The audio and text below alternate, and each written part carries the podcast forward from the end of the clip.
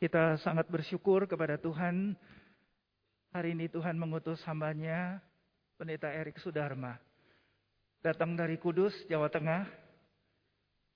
Pendeta Erik menjadi berkat besar bagi jemaatnya. Dan hari ini Tuhan utus Pendeta Erik datang. Membawakan Tuhan Yesus dan firman-Nya. Kita seluruh jemaat menyambut dan bersyukur. Dan akan berdoa Tuhan urapi, Tuhan pakai Pak Erik. Tuhan berkatin. Mari Terima silakan. kasih Musa. Baik, selamat pagi Bapak Ibu dan saudara sekalian.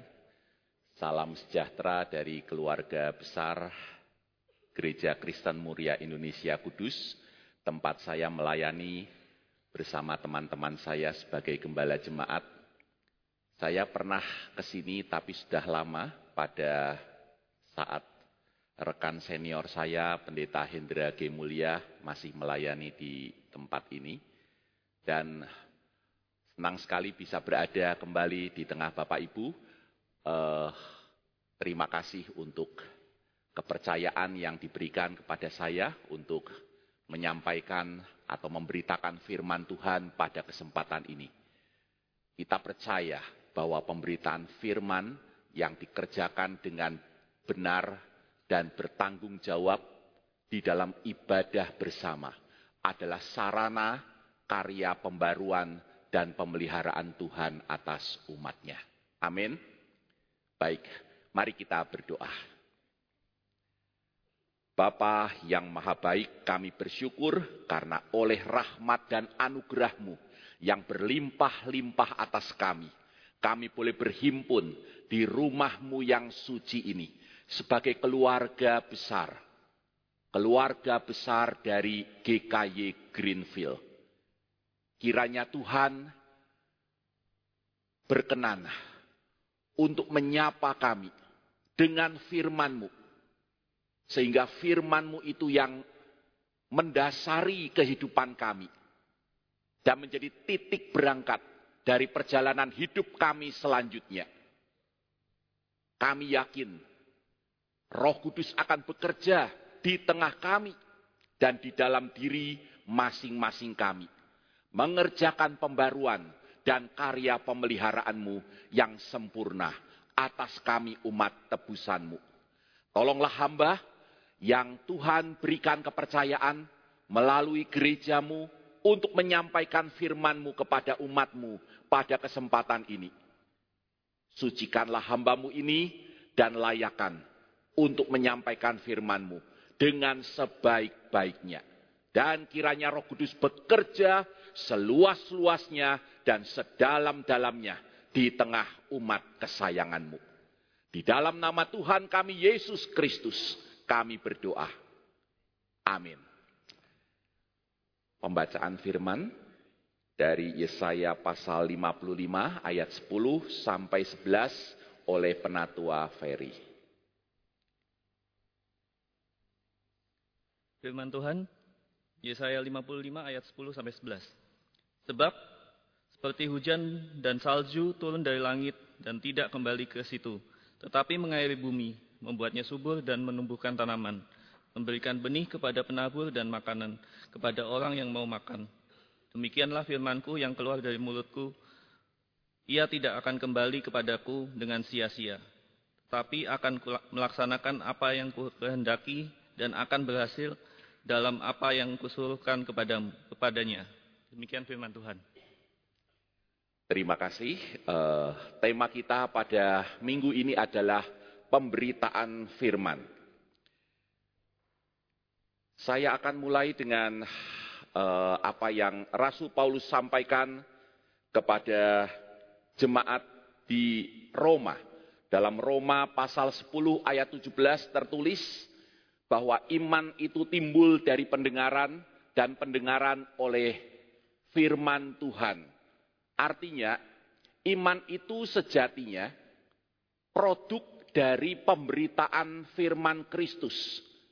Tanpa firman itu diberitakan dan didengarkan, maka tidak akan ada iman. Iman adalah produk dari pemberitaan firman Kristus. Pemberitaan firman adalah sarana yang dipakai, ditetapkan oleh Allah untuk menciptakan, membangkitkan iman di hati umat manusia. Karena itu gereja reform meyakini bahwa the proclamation of the word of God is the principal means of grace. Proklamasi atau pemberitaan firman Allah adalah sarana mendasar, sarana basis dari karya anugerah Tuhan. Melalui pemberitaan firman, Roh Kudus menyanggupkan orang percaya untuk menerima Kristus dan semua manfaat penebusan melalui pemberitaan firman. Maka tidak heran di dalam ibadah-ibadah gereja reform, pemberitaan firman adalah pusat dari ibadah. Sakramen, baik itu baptisan maupun perjamuan kudus, serta doa, juga adalah sarana anugerah Allah ada gereja-gereja pada umumnya mengenal empat sarana anugerah Allah, yaitu pemberitaan firman yang dilambangkan dengan salib karena Kristus adalah pusat Alkitab, pusat pemberitaan firman. Beberapa teolog menyebut Kristus sebagai benang merah Alkitab, perjanjian lama dan perjanjian baru. Perjanjian lama adalah Kristus yang dinubuatkan. Kitab-kitab Injil adalah Kristus yang menyejarah. Surat-surat adalah Kristus, kisah para rasul dan surat-surat. Maksud saya adalah Kristus yang membangun gereja. Dan kitab Wahyu adalah Kristus yang akan datang kembali. Jadi Kristus adalah pusat Alkitab. Lalu ada sakramen perjamuan kudus, sakramen baptisan, dan doa. Empat sarana anugerah Allah. Tapi kita lihat ya, bahwa sakramen baptisan dan perjamuan kudus serta doa itu bergantung dan didasarkan pada firman Tuhan. Maka pemberitaan firman disebut sebagai the principal means of grace. Sarana mendasar dari anugerah Allah. Nah, terkait dengan kerinduan GKY Greenfield agar semua jemaat kembali beribadah di gereja dengan penuh semangat, maka pertanyaannya adalah ini. Mengapa perlu mendengarkan firman Tuhan di gereja? Mengapa tidak cukup di rumah saja secara online? Bukankah ada fasilitas beribadah di rumah masing-masing secara online. Kenapa itu tidak cukup?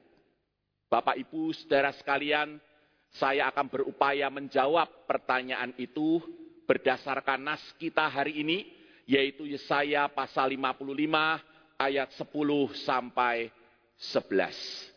Pertama, nas ini mengajarkan efektivitas pemberitaan firman kemanjuran efektif ya dari pemberitaan firman.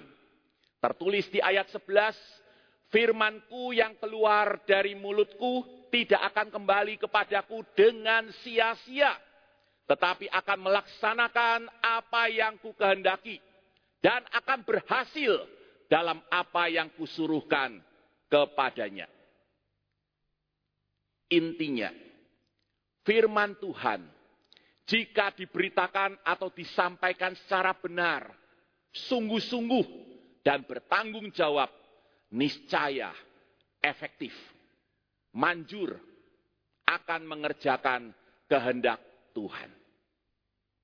Itu harus menjadi keyakinan kita, terutama dan teristimewa kami, yang diberi tugas dan tanggung jawab untuk memberitakan firman.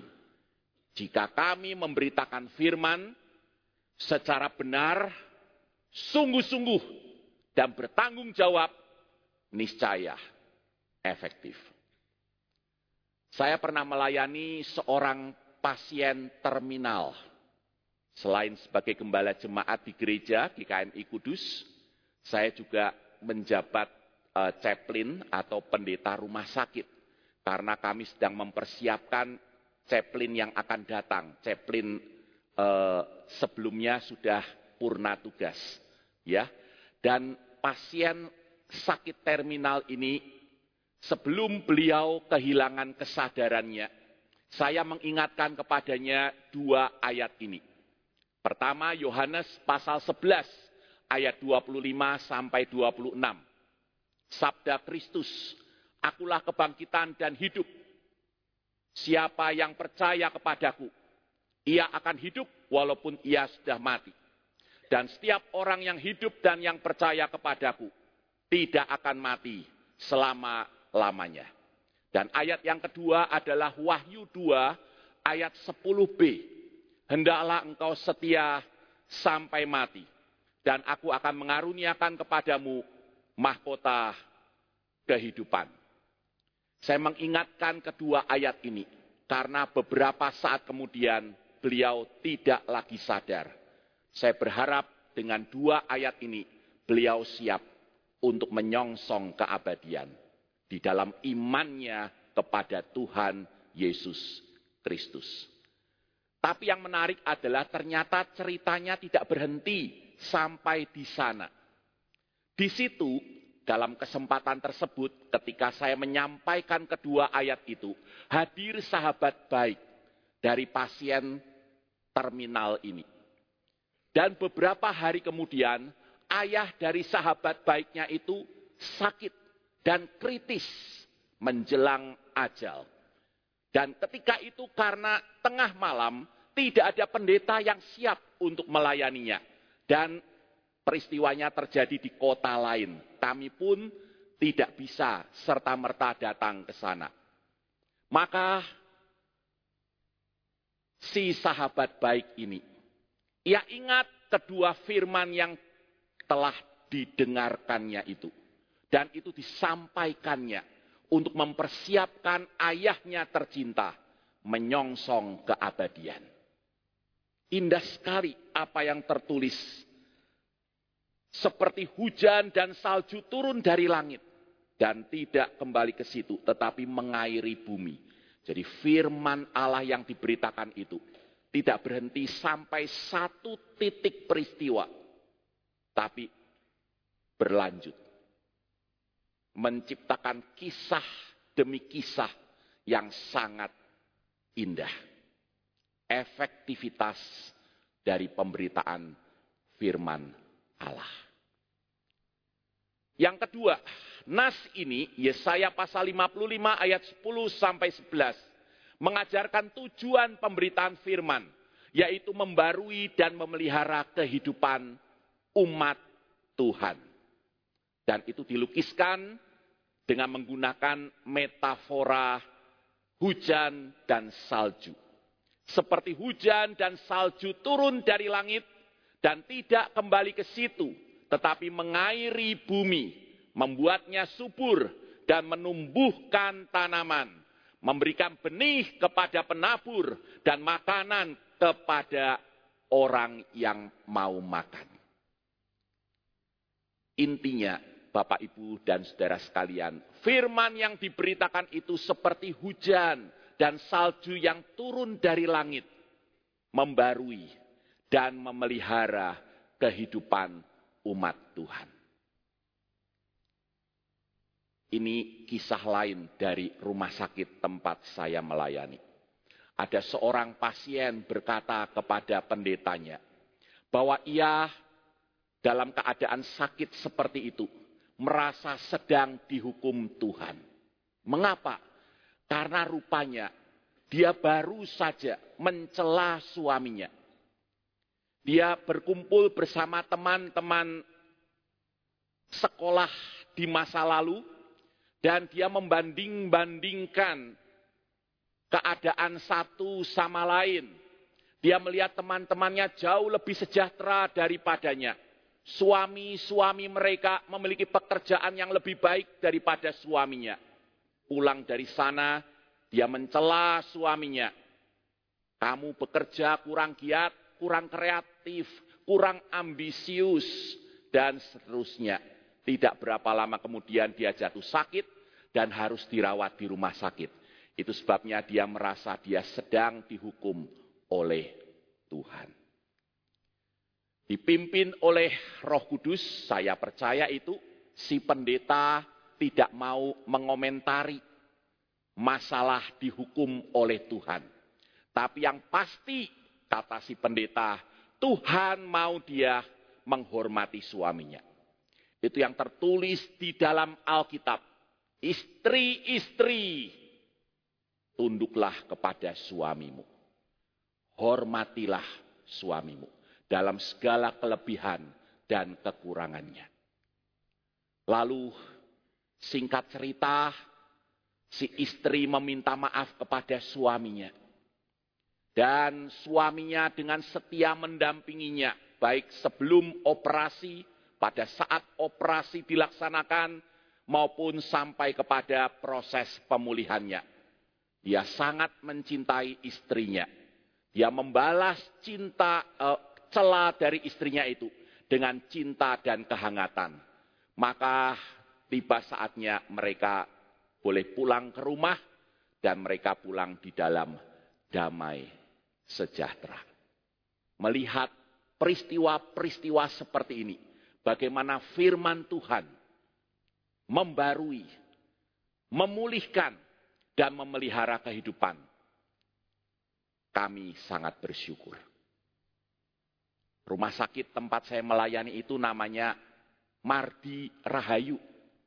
Mardi itu adalah uh, tempat untuk mengupayakan kebajikan.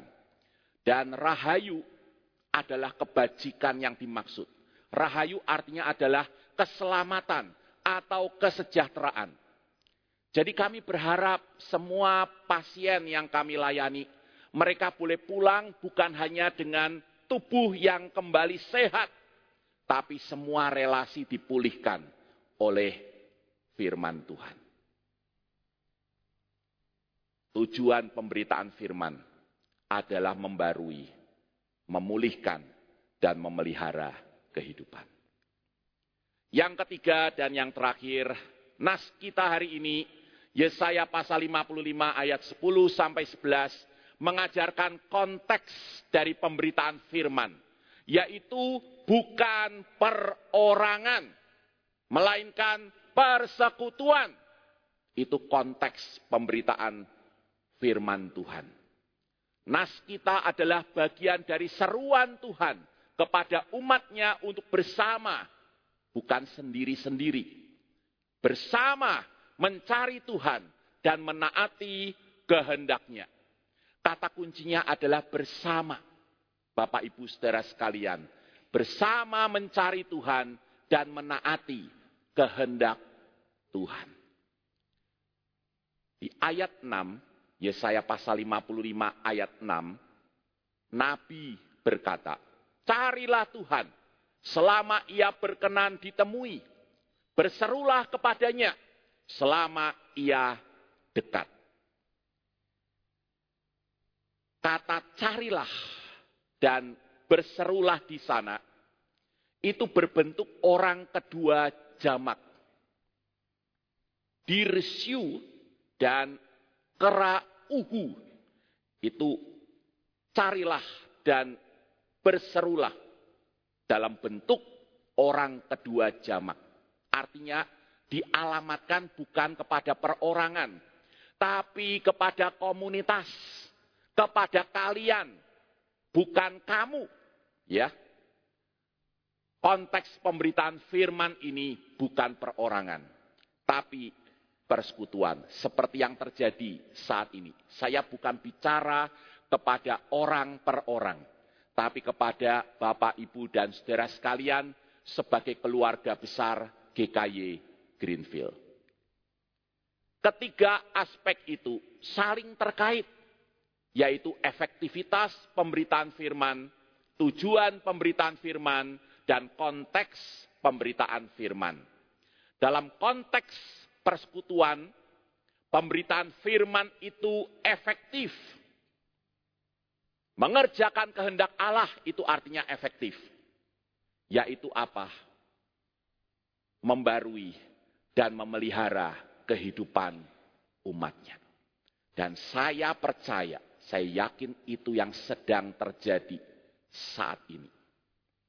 Melalui pemberitaan firman, dalam persekutuan kita ini, Tuhan sedang berkarya di tengah kita, di dalam hidup kita, membarui dan memelihara kita.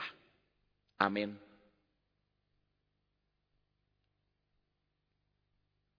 Ibadah umum seperti ini, di mana kita bersama mendengarkan dan menanggapi firman Tuhan, adalah sarana pembaruan dan pemeliharaan Tuhan atas kita umat tebusannya. Dengan beribadah bersama di gereja, kita menghayati bahwa pemberitaan firman itu bukan untuk kepentingan perorangan, tapi kepentingan bersama.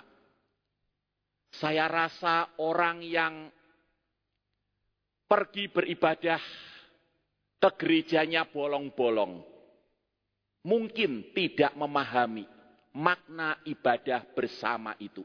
Dan mungkin sekali orang-orang seperti itu datang beribadah di gereja dengan semangat yang sangat pragmatis. Apa manfaatnya buat saya? Apa untungnya buat saya?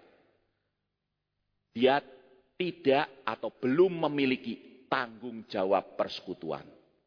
Bahwa kehadirannya kesungguhannya beribadah di tengah persekutuan turut membangun gereja Tuhan. Kita bersama mendengarkan firman Tuhan di gereja untuk dibarui dan saling membarui.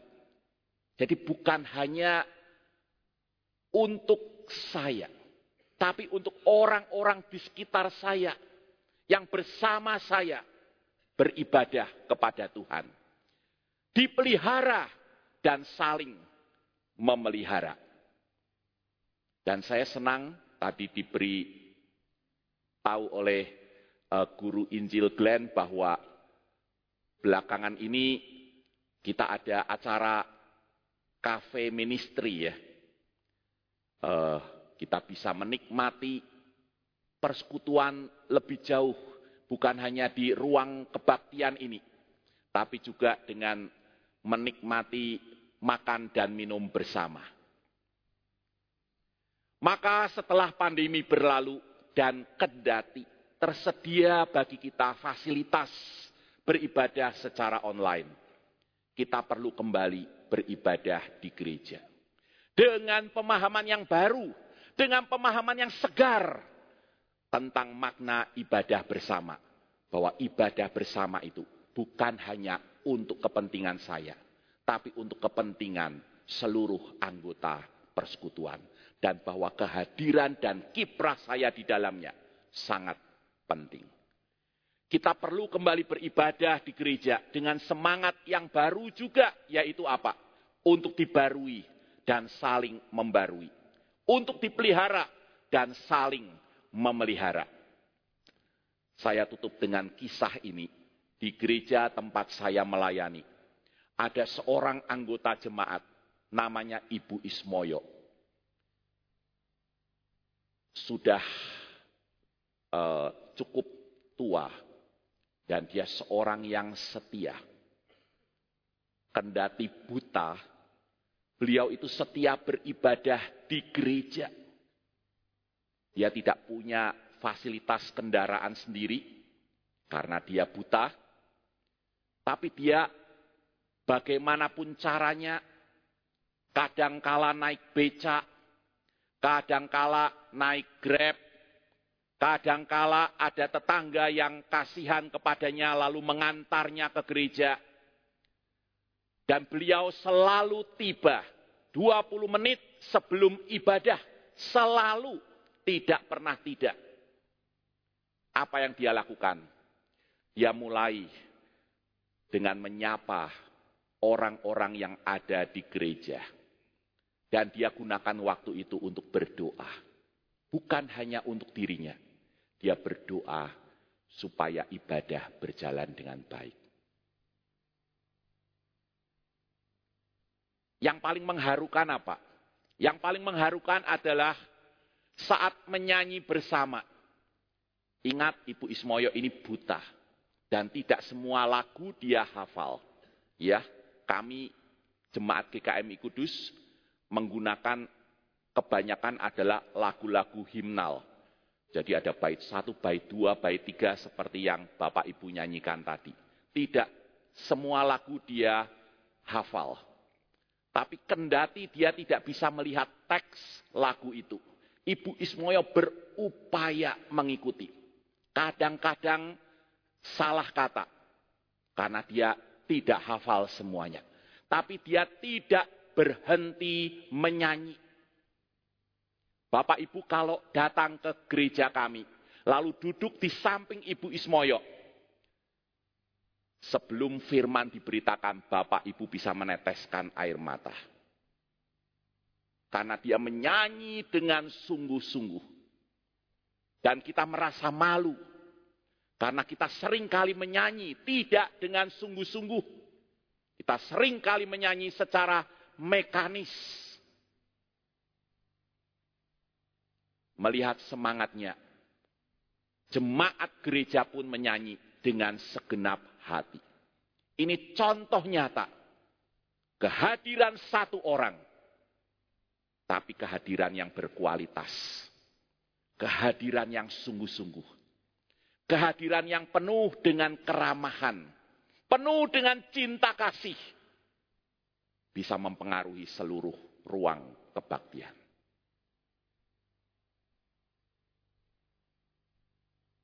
Demikianlah firman Tuhan saya sampaikan. Pendeta Rikotan sebelum berangkat ke Amerika, dia titipkan pesan kepada saya. Dia berdoa dan berharap banyak anggota jemaat yang sudah lama tidak beribadah bersama di gereja, kembali beribadah bersama. Bapak Ibu, mari kita ajak saudara-saudari kita untuk kembali beribadah di GKY Greenfield.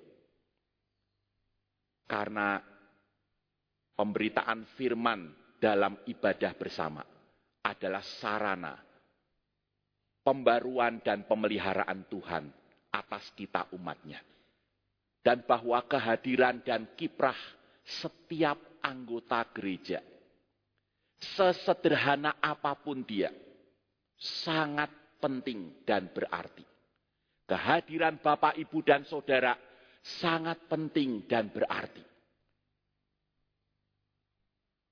Termasuk bagi kami yang memberitakan firman.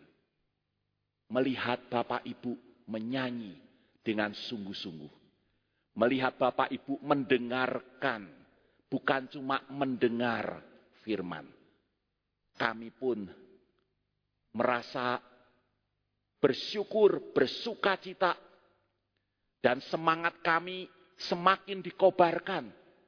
Salah satu kualitas kemuritan, kalau pemuritan itu proses membentuk orang menjadi semakin serupa dengan Kristus. Kalau kemuritan, discipleship, itu adalah komitmen kita untuk mengikut Yesus. Dan salah satu kualitas kemuritan yang disuarakan oleh kitab-kitab Injil termaktub di dalam satu kata, yaitu mendengarkan. Bapak Ibu sekalian, LAI menggunakan kata mendengarkan, bukan sekadar mendengar.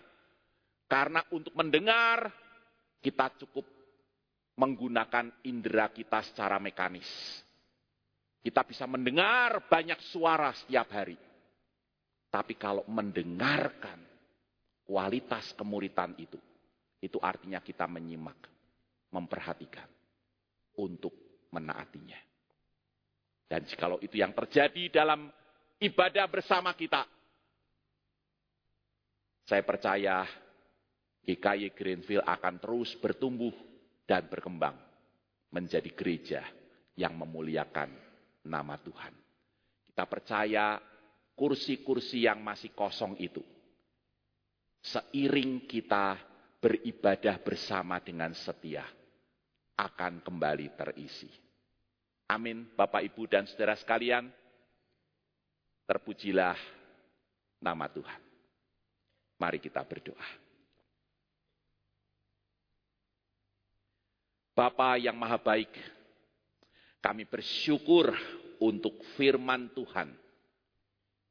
Firman Tuhan harus diberitakan, harus didengarkan demi tercipta iman. Iman diteguhkan, iman disempurnakan. Kami bersyukur Tuhan, karena Engkau telah menetapkan pemberitaan firman sebagai sarana mendasar dari karya anugerahmu di tengah dan bagi umatmu. Ampuni kami, jikalau selama kami, selama ini kami sering kali hanya mendengar, bukan mendengarkan firman yang diberitakan. Ampuni kami jikalau selama ini kami cenderung meremehkan ibadah bersama seperti ini.